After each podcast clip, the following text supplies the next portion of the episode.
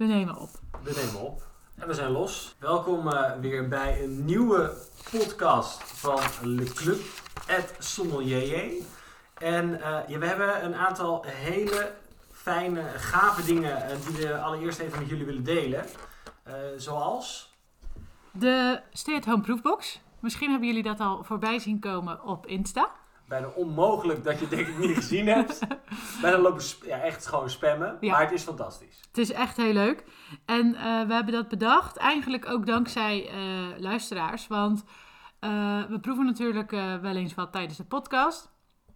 En ehm, eh, mensen vroegen wel van, oh ja, die, we zijn wel altijd geïnteresseerd in welke wijnen jullie dan proeven. En ehm, eh, ik zou dat eigenlijk best wel willen kopen. Nou, bla bla bla. En toen dachten we, iedereen zit toch thuis. Ehm, en de cursussen gaan niet meer door. Eh, dus is het ook wel leuk om eh, zelf thuis te kunnen proeven. Maar dat je ook daarnaast eh, een soort van bevestiging krijgt of je daar dan, of je dan op de goede weg zit. Nou, dat was voor ons natuurlijk ook weer een win-win, want wij moeten nog steeds hard leren voor het examen. We gaan gewoon door. Alleen heb jij hem al gehaald, maar goed, ik nog niet. Ik moet nog in oktober, eh, want mei is, eh, is inmiddels van de baan. Lang verhaal kort. We hebben dus twee proefboxen gemaakt. Die dienen als soort van mini-cursus thuis. Je krijgt vijf wijnen. Dat zijn typische expressies van een eh druivenras of een wijnstijl. Ehm, dus je kan ook echt achterhalen als je je proefnotitie of de proefmethode volgt, wat er in je glas zit. Daarbij hoort dan ook weer een online omgeving waar je onze proefnotities kunt nalezen en kunt zien op, op beeld. Want Le we Club, hebben het Sommelier TV. precies hebben we Dus, eh, ontwikkeld. daar komen we later in de podcast vandaag nog even op terug. Want we Mhm. hebben nog een primeur, maar die houden we nog heel even Oh. geheim. Zoveel cliffhangers in deze podcast. Ehm, en we hebben dus ook nog bij elke wijn eh quizje gemaakt. Met ongeveer 10 vragen, soms meer. Ehm, zodat je ook nog je theoretische kennis kan eh bijspijkeren. Dus ja, al in al is dit gewoon echt mega, mega leuk. Ja, en heel belangrijk om nog even te vermelden, want we kregen wel een aantal vragen ook van mensen of het dan wel geschikt is als je WC3 doet, of als je WC2 doet, of als je SDN2 of SDN3 doet. Eh, in principe hebben we het zo ingestoken dat het voor alle niveaus moet zijn. Maar als uitgangspunt hebben wij onze proefmethode van WZ genomen. Dus een hele uitgebreide... WZ4. Van WZ4, Ja. ja. Dus een uitgebreide proefnotitie. Maar die proefnotitie komt zowel in WZ2 als in WZ3 ook terug. Ja. En voor de SDN-mensen, die kunnen ook heel makkelijk zeg maar, meegaan Ja. eh, hierin. Kortom, het is gewoon super leerzaam voor alle niveaus. Ja. Dus wees niet bang en je kan ons ook altijd berichten voor vragen. Zeker. Nou, en wat misschien ook nog leuk is, eh, als je WZ2 doet, eh, is het natuurlijk best wel lastig om blind te proeven. Want je hebt misschien nog nooit in je leven eh, een wijn op die, die, wij, die wij dan eh, in die box hebben gedaan. Maar je kan ze dan ook gewoon niet blind proeven. Dus dat je de wijnen wel bekijkt van tevoren. En dat je dan gaat kijken, oké, nou, wat heb ik over deze wijn bijvoorbeeld geleerd? En kan ik dat erin terugvinden? En zo leer je ook veel. Want je hoeft heus niet altijd blind te proeven om te leren. Dat is, dat is namelijk eigenlijk best heel moeilijk. Dat is heel moeilijk, ja. Goed, dan hebben we deze administratieve... Handelingen helemaal afgevinkt. Precies. Dan gaan we door naar het onderwerp van deze podcast. En dat is... Semillon. Semillon. En dat kwam omdat ik bij Poot was. Poot is een porteur. Grote avontuur. Poot Agenturen. En zij, hebben, zij hadden eh, begin dit jaar volgens mij nog een eh, overzichtsproeverij. Nou, daar heb ik eh, ook achter een tafeltje gestaan bij Léoville Poivré. Dat was erg leuk. Oei. Bordeaux, love it. Ehm, maar ik kon natuurlijk ook nog even lekker proeven. En toen kwam ik dus eh Bouchon tegen. Dat is een Chileens wijnhuis die dus een topversie maakt van Semillon. En echt, ik was blown away. Eh, Van granieten bodem en super oude stokken, geen eh, irrigatie. Dus echt gewoon op een klassieke manier wordt die wijn gemaakt. En ja, amazing. Dus we hebben hier een flesje, dus die gaan we ook zo nog een keer proeven. Eh, en dan weer de proefnotities met jullie delen. Maar omdat dit natuurlijk zo'n epische wijn was, dachten we van nou, dan maken we daar gelijk een hele podcast over. Dus de eerste podcast waarin een druif compleet centraal staat. Ja, Dat is wel weer een dingetje. dat is leuk. Ja, Ja. Ehm, het is ook de eerste podcast dat onze intro bijna zes minuten duurt. maar Dus, Terug naar de orde van de dag. ja, we gaan de tune instarten.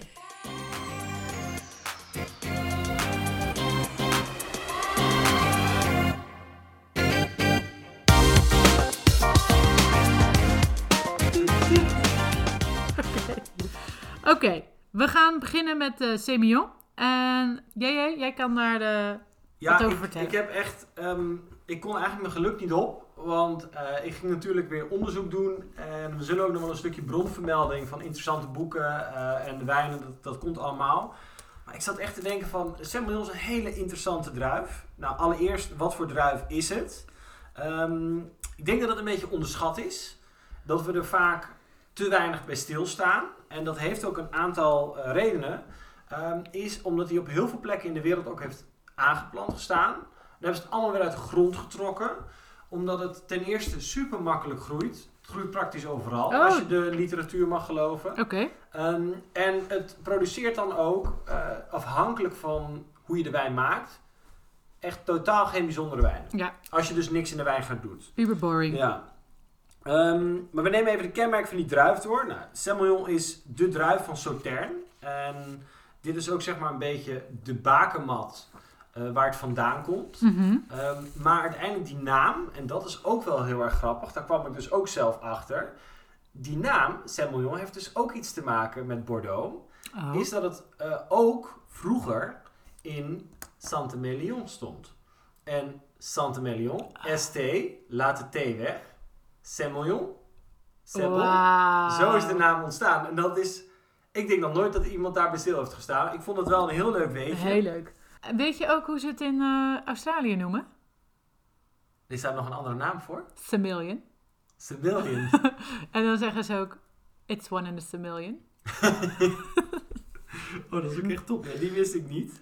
Ehm nee, Sautern is altijd zoet. Ehm, en worden natuurlijk ook de grootste zoete witte wijnen ter wereld gemaakt. Daar komen we later ook nog even op terug. Ehm Semillon wordt vaak ook geblend in combinatie met Sauvignon Blanc. Ehm, en dan ook een droge stijl. Hier komen we ook nog op terug, want dit zijn allemaal andere hoofdstukken. We hebben heel veel structuur vandaag. Mhm. Ehm, in de wijngaard is Semillon over het algemeen dus een sterke wijnstok. Ehm goede schimmelresistentie ook. Dus hij kan ook goed tegen ziektes. Eh, als je dus niet zoveel in de wijngaard snoeit, eh, produceert hij ook grote trof- trossen met veel volume. Wat ook leidt tot niet interessante druiven. Een van de redenen dat het ook veel gerooid is. Ehm, de enige waar die wel gevoelig is, is voor grijze rot en botrytis. Nou, botrytis is zeg maar de schimmel die je wel wil hebben. Ehm, en dat komt omdat hij een hele dunne schil heeft. En die dunne schil die wordt makkelijk aangetast door de schimmel. Waardoor Semillon zich ook uitermate goed leent om dus ook zoet van te maken. Dat is heel belangrijk. Ehm, het is dus over het algemeen een redelijk eh, neutrale druif. Medium tot medium plus zuren. En medium tot hoog alcoholpercentage.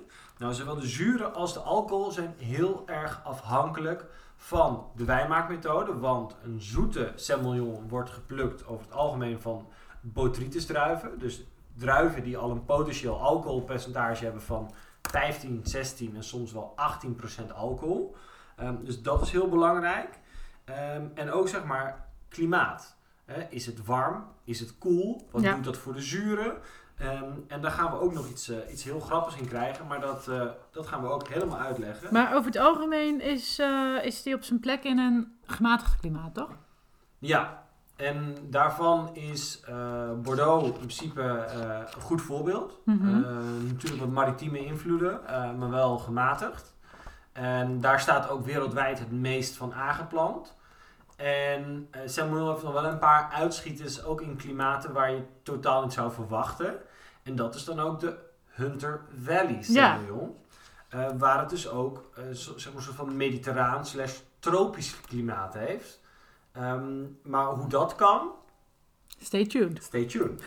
Ehm, nou, ook die aroma's zijn wel heel erg grappig, want je hebt dus verschillende stijlen Semillon. Eh, dus je kan aroma's hebben van gras, noten, toast, vanille, asperge, citrus, appel, vijg, meloen, lemon curd, perzik en bijen was. Nou, dat is een hele batterij. Ja. Ehm, en al die aroma's zijn dus ook weer een beetje afhankelijk van... Die gaan we ook een beetje koppelen aan het wijngebied waar die soort van typisch voor is.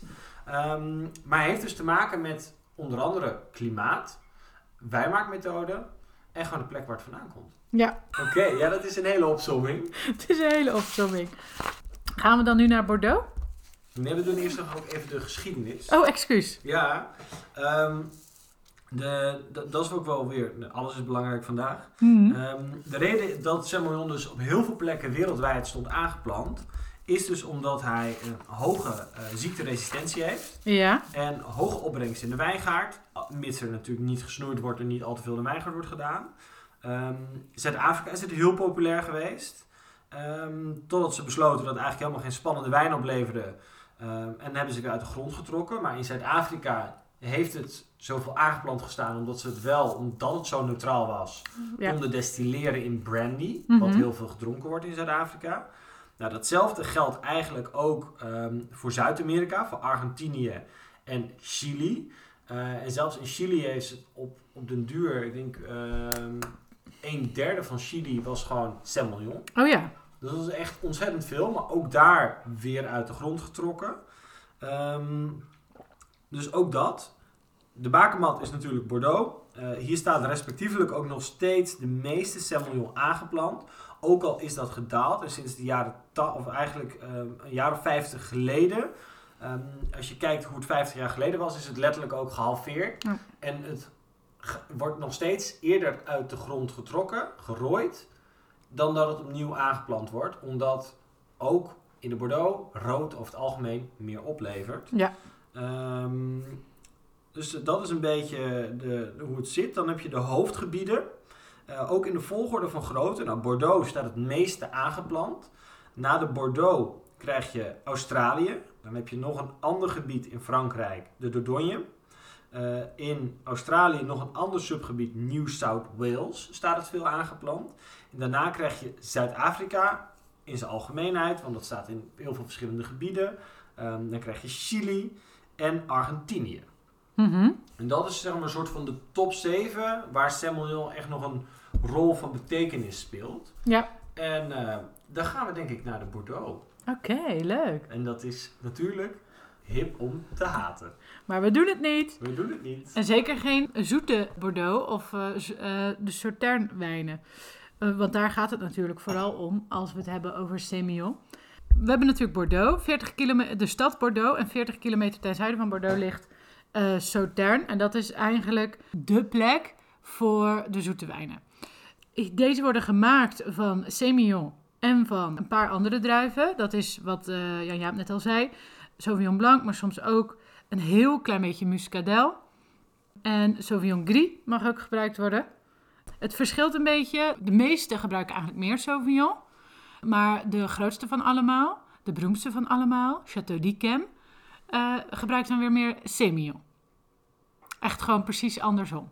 Eh, want het is bij, bij ehm Yquem is het eh 80-20. Ja, En zeg maar bij de rest is het ander, net andersom. ja.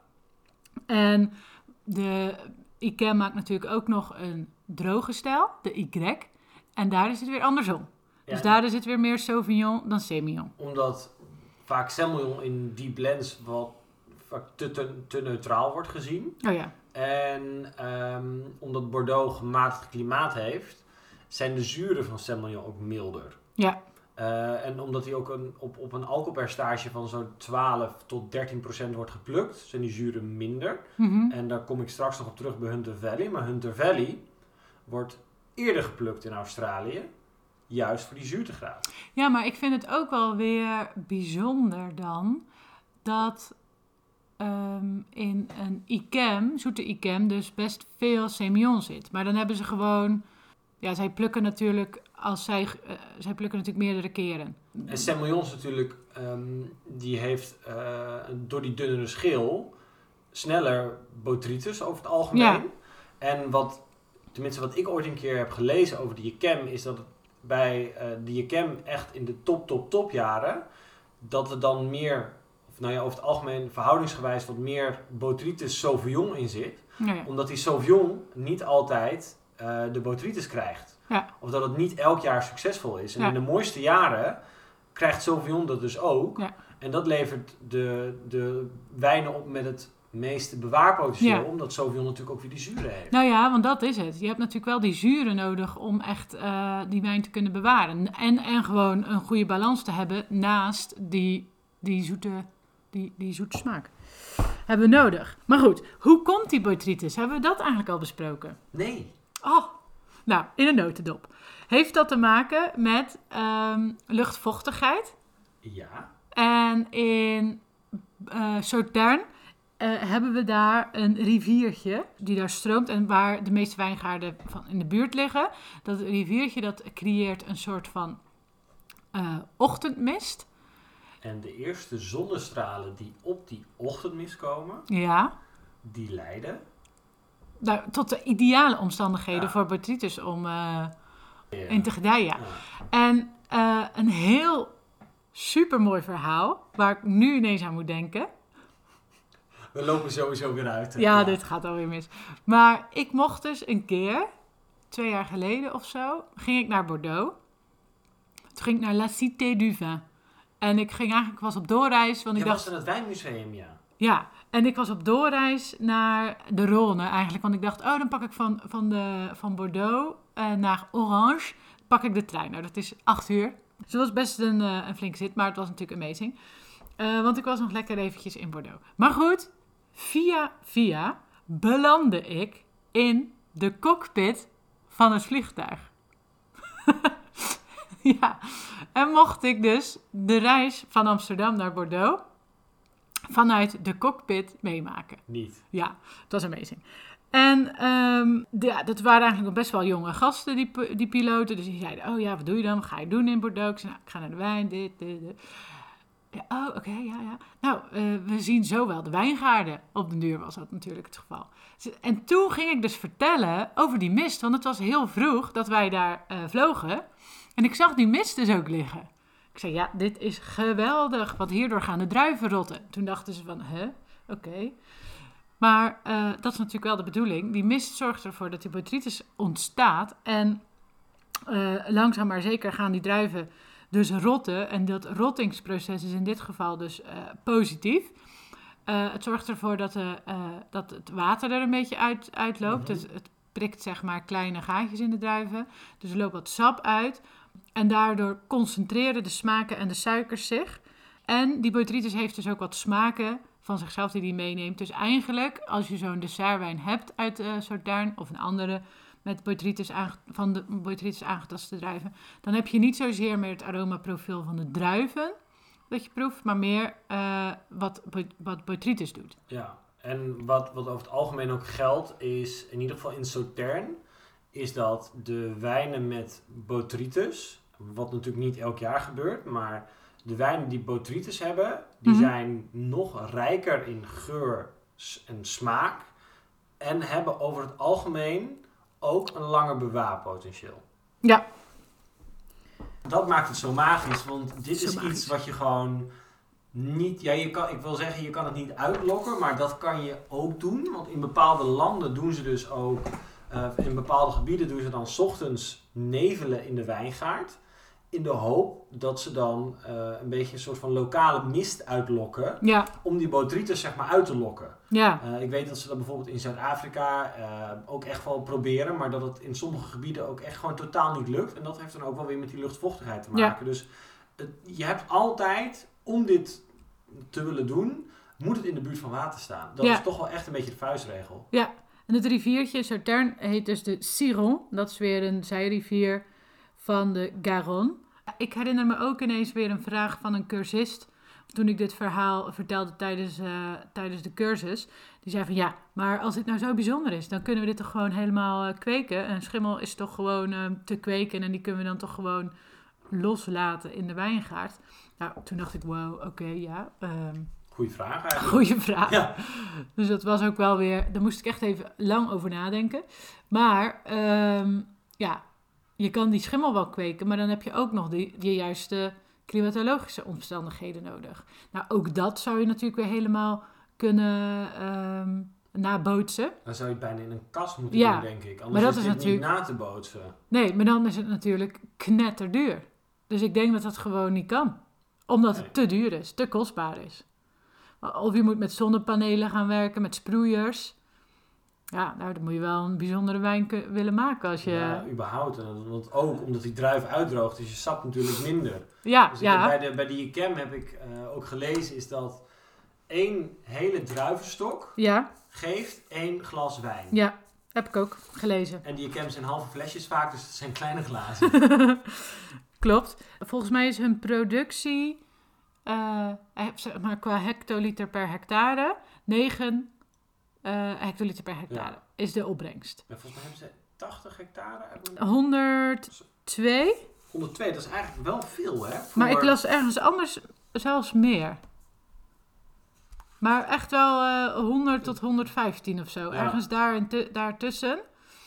Eh, dus dat is wel veel, maar niet alles staat aangeplant. Want sommige liggen dan eventjes, mogen dan rusten, sommige plekjes. Eh, maar het is natuurlijk wel echt extreem veel. Maar ja, dat is wel Bordeaux, hè? Het is wel- Mouton Rothschild heeft er ook eh 80 of zo. Daarom, en de wijn is alsnog heel erg duur. Dus je hoeft Ja. niet te denken dat heel veel volume ook de wijn daadwerkelijk heel goedkoop maakt. Nee, nee, nee, nee, nee, zeker niet. Dus 9 hectoliter per hectare. Volgens mij heeft de AOC ook wel een, een grens. Dat is iets van 25 of zo. Ja, het mag niet heel veel zijn. Maar dan nog is dus ICAM ligt daar nog veel echt een stuk Ja. Zij eh, kunnen ook wel. Zij plukken de druiven alleen eh, als zij vinden dat ze eh, genoeg aangetast zijn met botrytis. Dus dat betekent dat zij in meerdere rondes die druiven plukken. En dat kan dus wel oplopen tot 13 rondes. Dus 13 keer gaan er plukkers de wijngaard in om te kijken: is deze druif goed? Ja of nee? En het gaat dus echt per druif. Niet per tros, niet per stok, per druif. Dus verklaart ook wel weer dat het heel duur is. Volgens mij ver- vertelde Fiona, Master of Wine en onze docent, dat ze toch ook een keer mee had geplukt. Ja, Ja, het lijkt me ook echt een dream come true. ja dat is, maar ook echt dat ze ook zei van het is ook zo streng dat die selectie was. Dat als zij dan dacht dat ze de goede druif had, dat het eigenlijk helemaal niet, dat was dan weer niet goed. Ja, nou is- moet je nagaan. En die, die, die plukkers die worden dus continu geïnstrueerd wat de juiste druiven zijn. Ja. Dat is echt, die, die moeten Super waarschijnlijk sterk. gillend gek worden. Ehm, ook nog wat daarop aansluit is dat als eh, de kwaliteit van de oogst, zeg maar, over het hele jaar eh, niet goed wordt geacht, dat ze dan gewoon geen zoete wijn maken. Dan maken ze gewoon geen sautern. Dus eh, in 1992 en in 2012 bijvoorbeeld eh, was de kwaliteit niet naar behoren en hebben ze gezegd wij maken geen ICAM. Dat is natuurlijk ehm, voor hun, ja oké, dat kunnen ze zeggen, want ze, ze hebben wel genoeg waarschijnlijk geld om dat te kunnen leiden. Maar daardoor ehm, maken ze het ook heel moeilijk voor de rest van de regio natuurlijk. Want ja, dan zegt de beste van de, van de regio, zegt, ja, ik maak het niet. Ja, al die kleintjes, die, eh, Die moeten wel. die moeten, want anders, ja, Wel jammer, want ik ben in zo'n slecht wijnjaar geboren. Er is zelfs niet je cam in 92 gemaakt. Oh, ik ben ook een slecht wijnjaar Geen geworden. goede vintage sport, eigenlijk geen goede boek. Nee, het is, het is gewoon een drama. Ehm, trouwens, die, die eh, hectoliters die zijn helemaal eh, correct. Dus eh de Jacam doet 9 hectoliter als max. En over het algemeen in Sauternes is dus ook 25 hectoliter. Zo, dus als dit een examenvraag was geweest, had ik hem zo eh Had je hem geneeld. Maar ik denk dat natuurlijk tegenwoordig is factcheck heel belangrijk. Factcheck, ja. Eh, en het gaat natuurlijk wel om cijfers, maar dat is, het is wel het is super accuraat. Nou, fantastisch. Ehm, nou, dat is dan eventjes over Sautern. Icam, wat ik al zei, en Giro, die maken ook ehm, droge Sautern, om het zo maar even te zeggen. Eh, en dat is dus vaak zeg maar net de omgekeerde blend. Ehm, maar dat mogen ze niet labelen als AOC Sautern. Dat moeten ze labelen als AOC Bordeaux. Want Sautern is alleen bedoeld voor zoete wijnen. Yes.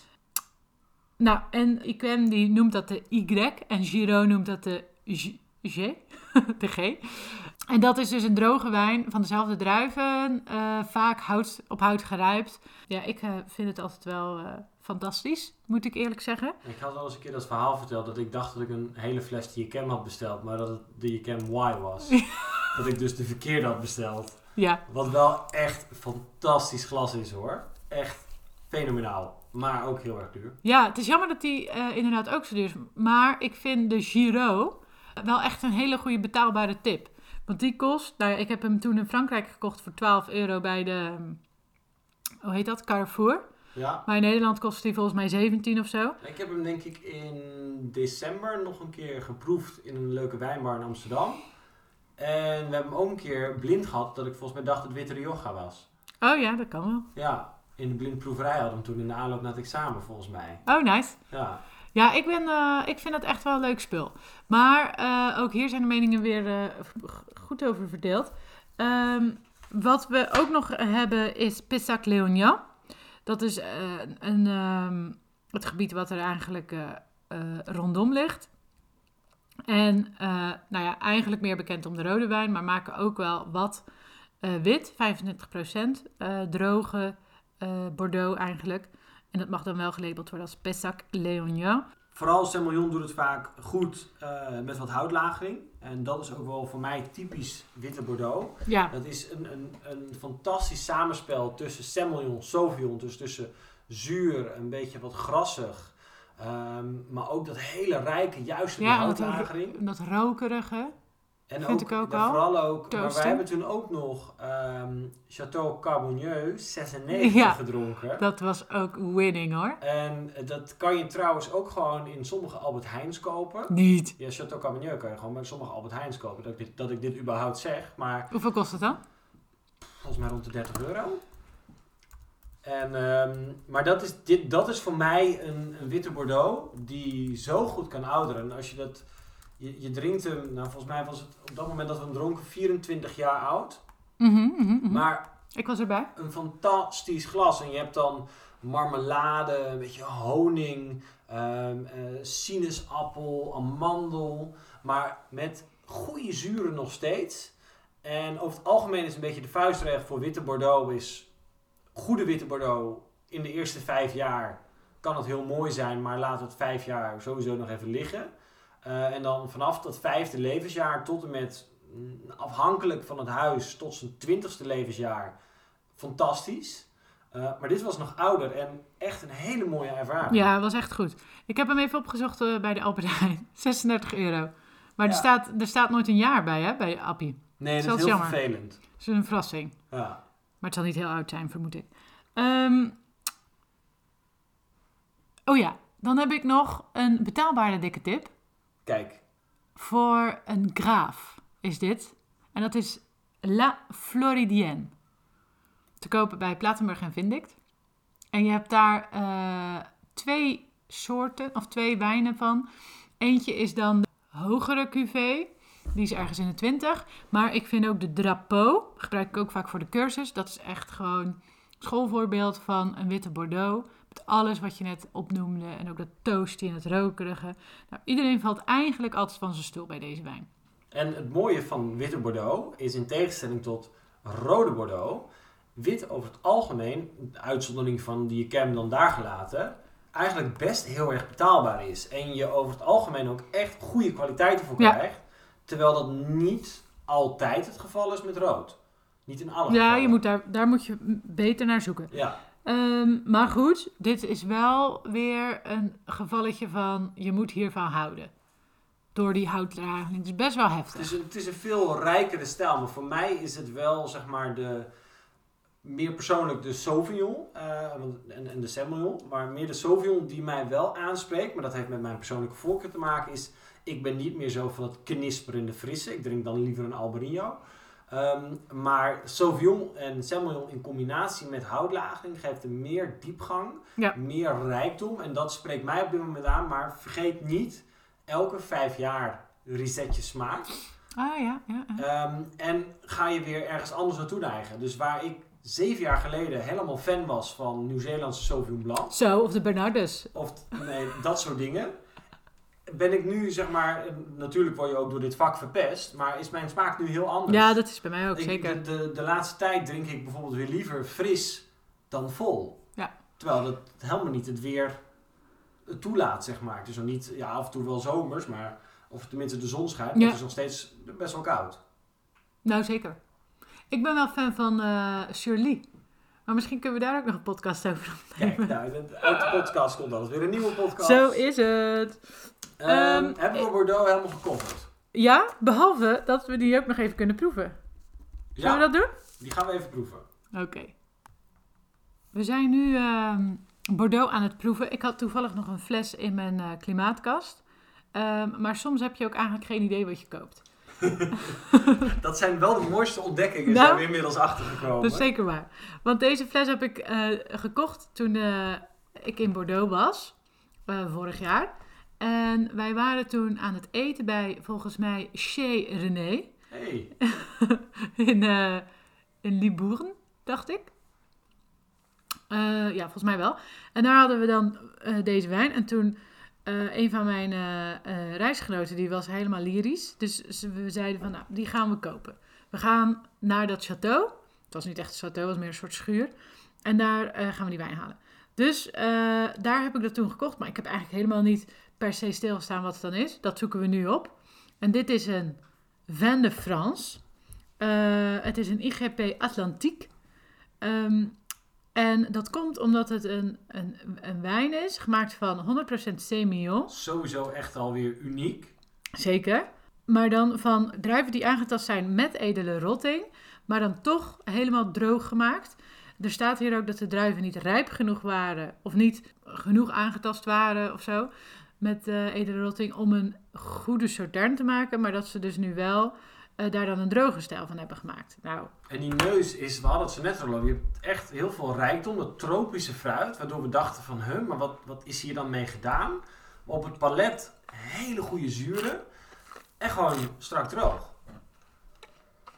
En ik denk dat het dan heel belangrijk is om even gebruik te maken om nu, zeg maar, even de teaser van het begin, na een half uur inmiddels, eh, bekend te maken. Want eh, wat wij voortaan ook gaan doen, ik kan niet garanderen dat het bij alle wijnen gaat gebeuren, eh, maar wel bij een aantal, is we hebben Le Club et Sommelier, de podcast, maar ook door de wijnpakketten Le Club et Sommelier TV. Dus eh, een aantal wijnen die we dan ook proeven in de podcast, die zullen wij ook proeven op film. En die filmpjes, die komen dan weer op YouTube. eh, zodat iedereen ook na de podcast een beetje kan zien eh, hoe, je dat, hoe, hoe we dat proeven, wat, wat we proeven. Want beeld werkt gewoon beter dan geluid. Vind ik zelf ook persoonlijk. En Nadine heeft inmiddels het glas al op. sorry. Ja, ik ben zeer verrast.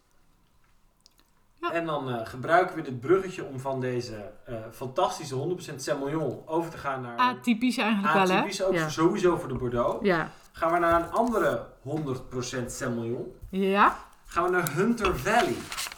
En als je het hebt over Semillon, dan heb je het eigenlijk over Bordeaux. Eh, qua oude wijnwereld. Heb je het over nieuwe wijnwereld, heb je het eigenlijk altijd over Hunter Valley Semillon Australië. Eh, Hunter Valley ligt ongeveer 100 kilometer boven Sydney. Ehm, milde invloed van de oceaan, die wel voor een soort van verkoeling zorgt, maar ook weer niet heel veel. Ehm, en je denkt hier eigenlijk aan een warm klimaat. Nou, dat klopt ook. Het heeft een soort van bijna mediterraans tot tropische temperaturen. Mhm. Ehm, dus eigenlijk, als je logisch gaat nadenken, is het gebied helemaal niet zo geschikt eh, voor Semillon. Ehm, en we gaan ook even uitleggen ehm, waarom het dus wel kan, maar waarom het ook weer zo tegenstrijdig is. Mhm. Je hebt daar dus hele intense zonnestralen, omdat je ook weer dichter bij de evenaar zit. Heeft met Ja. de lengte- en breedtegraad te maken.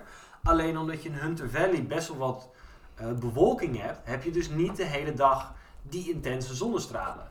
Wat ook maakt dat ze dus daar weer die druiven eh, kunnen groeien zonder dat die druiven ook verbranden of bijvoorbeeld echt daardoor worden aangetast. Ja. Ehm, wat ook heel erg grappig is, is dat ze de druiven, een beetje net als met ehm, champagne, eerder plukken. Dus ze plukken hem op een lager alcoholpercentage, dat is zo rond de 10,5, 11. En dat doen ze omdat je dan ook fantastische zuren hebt. En zuren geeft dan ook weer dat bewaarpotentieel. Ja. En dat is ook volgens mij wel echt nodig bij die Hunter Valleys, toch? Ja, want als je niet de zuur hebt, maar je plukt Semillon bijvoorbeeld zoals in dit geval de Bordeaux op eh 12 tot nou ja, 13, in dit geval zelfs 14 bij deze witte Bordeaux. eh, ja, maar dat is Botrytis. Ja, komt ook door de botrytis, maar 14% alcohol. Dan moet je iets met Semillon doen, dus houtlagering, om hem wat rijker en wat meer complexiteit te geven. Ja. Doe je er niks mee, dan klapt hij na drie, vier jaar ook om, omdat die zuurtegraad de wijn niet overeind houdt. Ja, maar ehm, wat ik ook altijd heb eh, ge- geleerd, en ehm, ja, ik heb nog nooit, ik heb niet zo vaak een eh, Hunter Valley Semillon eh, gehad, maar dat, dat dat gewoon echt op de fles moet rijpen, want dat het jong gewoon oersaai is. Mm. Ik denk dat het ehm, eind vorig jaar was, 2019. En was er van het Nederlands Schilder van Sommeliers was een proeverij. Ehm, Australië ook, waar ik eh Henschike Hill of Grace heb mogen proeven. Kleine side note. Dat is naast Penfolds toch wel echt de mooiste wijn van Australië, rood. En daar hebben we dus ook best wel wat jonge Semillon geproefd. En ik kende dat, moet ik heel eerlijk zeggen, nog niet helemaal. Ehm, maar vooral die jonge Semillons, echt, ik zei het toen ook, ik ga het nu ook gewoon zeggen, smaak nog kraak zat eraan. het is zeg maar water met alcohol. Ja, terwijl we ook tijdens WZ eh, een keer een oude Semillon hebben gekregen. En dat had ik toen... ehm, ik weet nog dat ik die proefnotitie moest oplezen. En dat dat eh, op zich allemaal wel in orde was. Maar ik had hem eh, geconcludeerd op een Riesling. Ja, Want dat heeft hij gewoon. Hij wordt een beetje dat honingachtige en dat toasty. Hij kan zelfs ook een beetje dat petrol krijgen. Volgens Ja. mij. Bij een oudere Hunter Valley. En dat is ook wel heel goed dat je Riesling zegt, want je kan ehm Semillon Hunter Valley ook vergelijken met Riesling. Het heeft alle kenmerken ervan weg, vooral ook qua zuren. Mhm. Eh, maar niet, zeg maar, ja, de, de smaak is anders, maar het aroma wel. Want een oude Hunter Valley krijgt dus een beetje dat bijenwas, dat Ja, waxy. en het is ook een beetje dat, ja, een molliger in de mond, hè? Ja. En Dan een Riesling. Dus het is echt, echt puur gebaat eh, bij die flesrijp en zonder houtlaging. Dus in Hunter Valley, nou ja, over het algemeen zul je dus geen houtlaging met Semillon zien. Het is allemaal RVS, het is allemaal fris. En als er al hout wordt gebruikt, dan is het vaak oud hout wat überhaupt geen smaak afgeeft. Ja. Maar het is de complexiteit die de wijn wint in de fles. Maar het zijn wel wijnen, eh goede Hunter Valley, Semillon, daar moet je ook echt wel tien jaar voor wachten. Ja, maar dat is dus nog wel even leuk om dat eh, samen te vatten. Een droge eh Semillon uit, uit eh, Bordeaux. is vaak dus nou ja, wel eh, geblend met Sauvignon Blanc, maar wel vaak houtrijping. Ja, Dat nu en ook deels nieuw hout.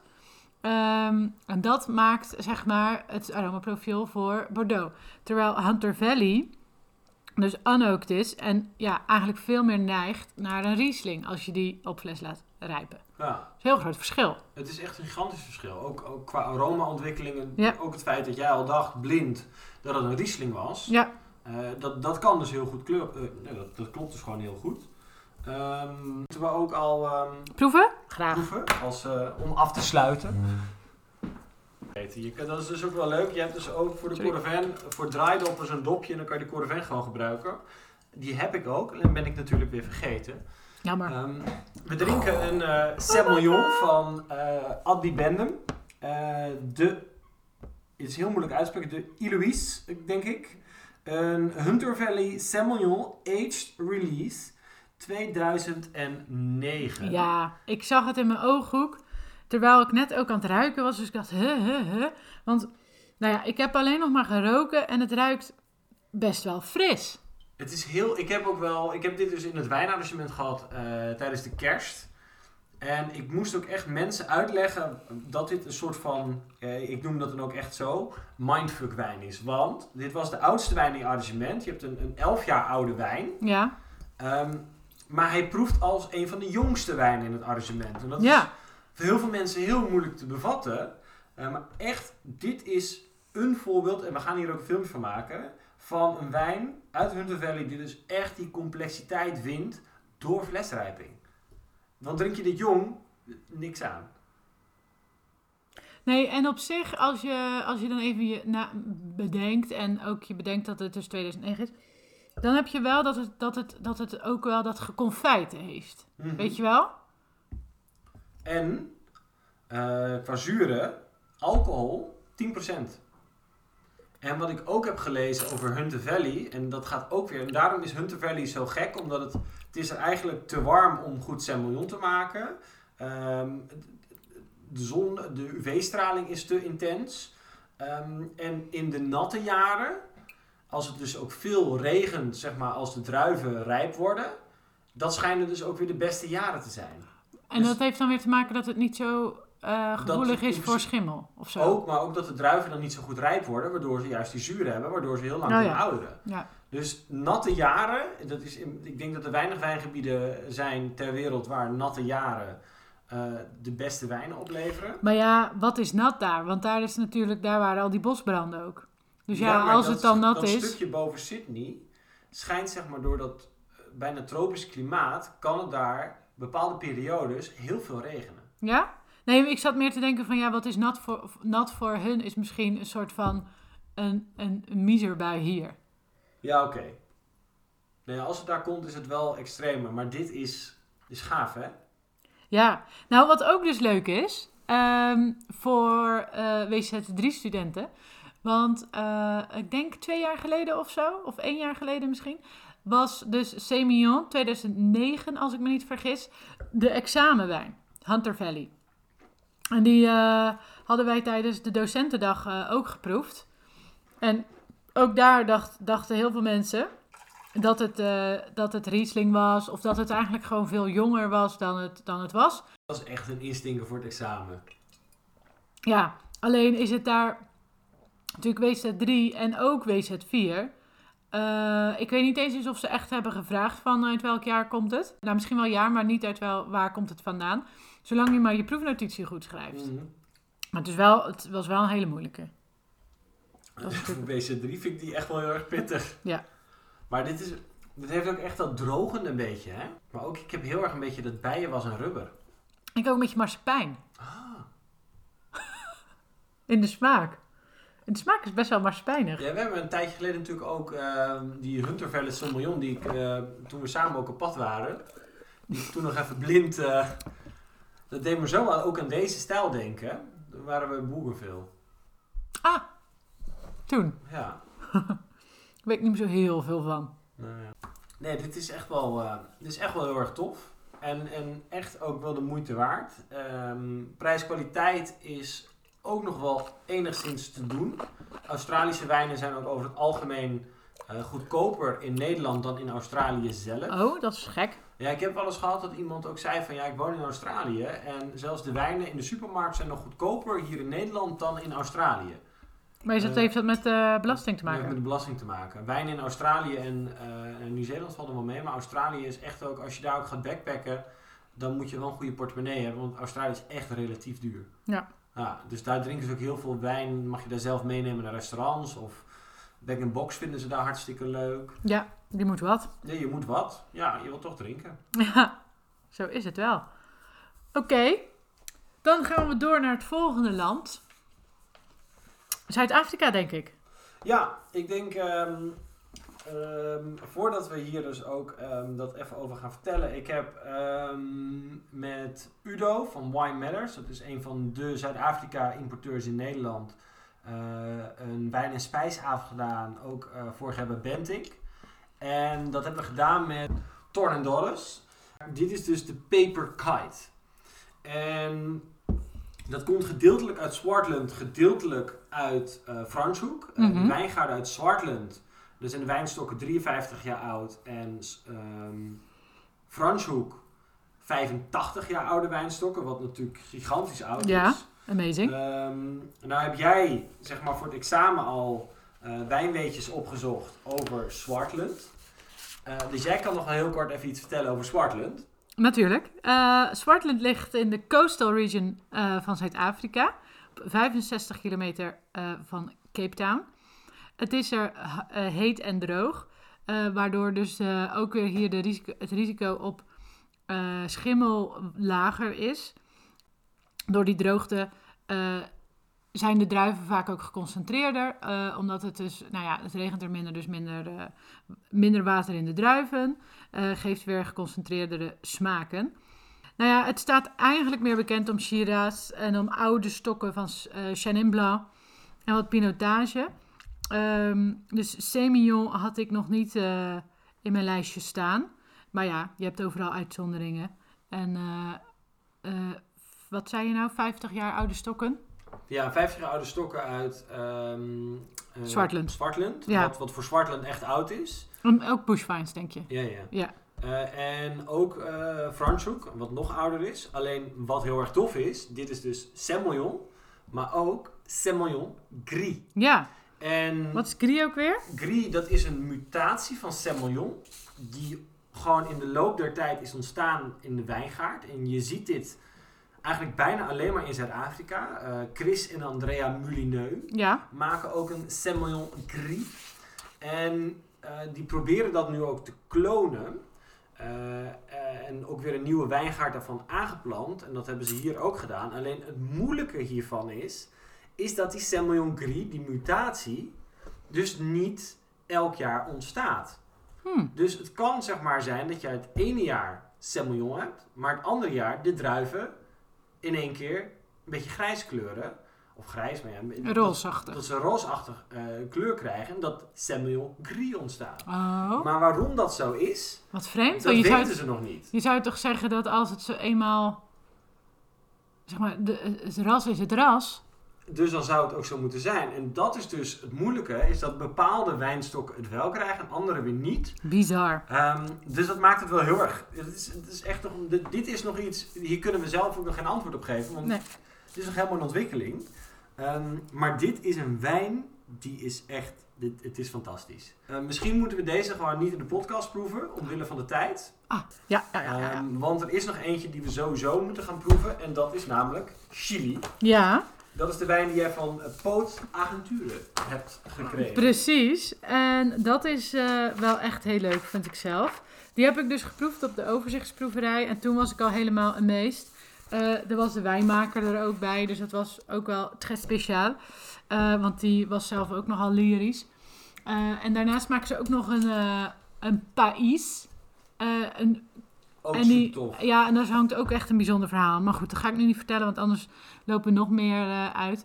Dus we, we, we gaan naar de Granite Semillon van Bouchon.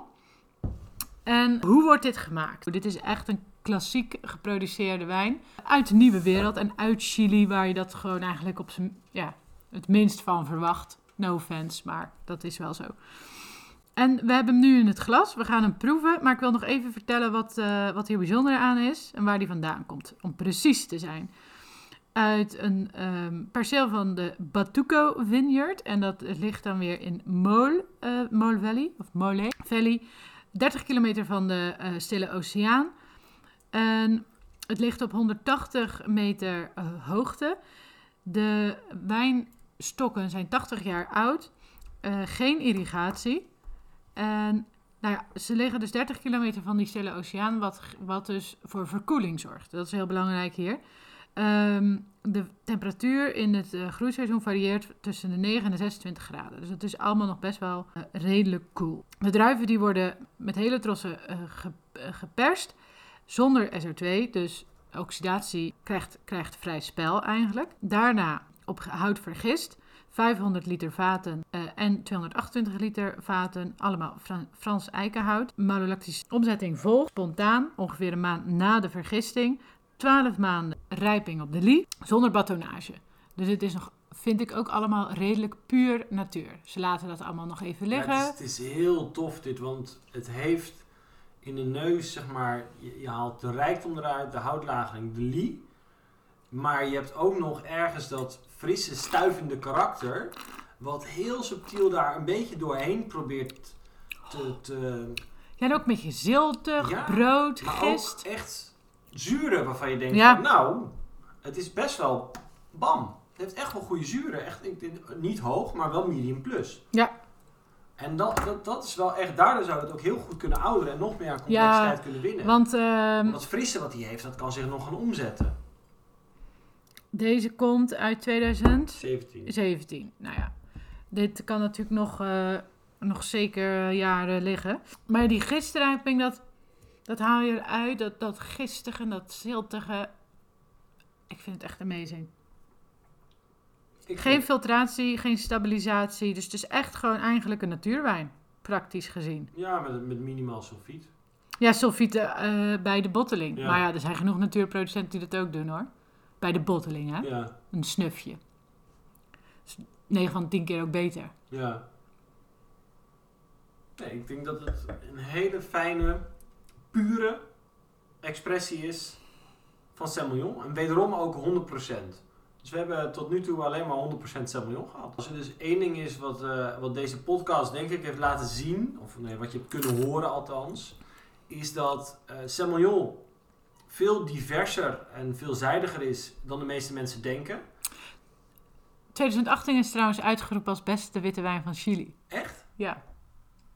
Dat is dan waarschijnlijk ook niet voor niets. Gewoon een druif die veel, ehm, veel, eh, best wel wat aandacht in de wijngaard nodig heeft om er ook echt wat moois van te maken. Ja. Eh, maar besteed je die aandacht aan de druif, en dat hebben we vandaag kunnen zien, dan heb je hele mooie, maar ook verschillende en diverse expressies Ja, van die Semillon. Semillon eh, droog gemaakt met botrytis uit Bordeaux. ja. Semillon 11 jaar oud, Hunter Valley. Met nog even fris. nog even fris en maar 10% alcohol. Amazing. Eh, een Zuid-Afrikaanse Semillon. Die ook Semillon en Semillon Gris heeft. Dus een mutatie van Semillon. En ook wat oud hout. Ja. nou, de zoete wijnen van de Bordeaux. De zoete wijnen, dat is het enige wat we dan vandaag niet hebben geproefd. Maar wat ongetwijfeld, er moet nog een keer een podcast over die ken plaatsvinden. Dus, Zeker. hè, we zijn aan het sparen. Eh, en dan deze Semillon uit ehm, Chili. Chili. Die zeg maar complex, fris, goede zuren heeft. Maar juist ook die complexiteit heeft gewonnen. eh, denk ik ook door het houtgebruik in de wijn. Ja, en de op hout vergist. Echt, echt een fantastische wijn. Oké. Vergeet het niet, we hebben natuurlijk ook nog de stay-at-home proefboxen. Kortom, genoeg te doen, genoeg te proeven Ja. en genoeg te schrijven. En dat sluiten we nu af, zoals we altijd afsluiten. Ding ding! See ya.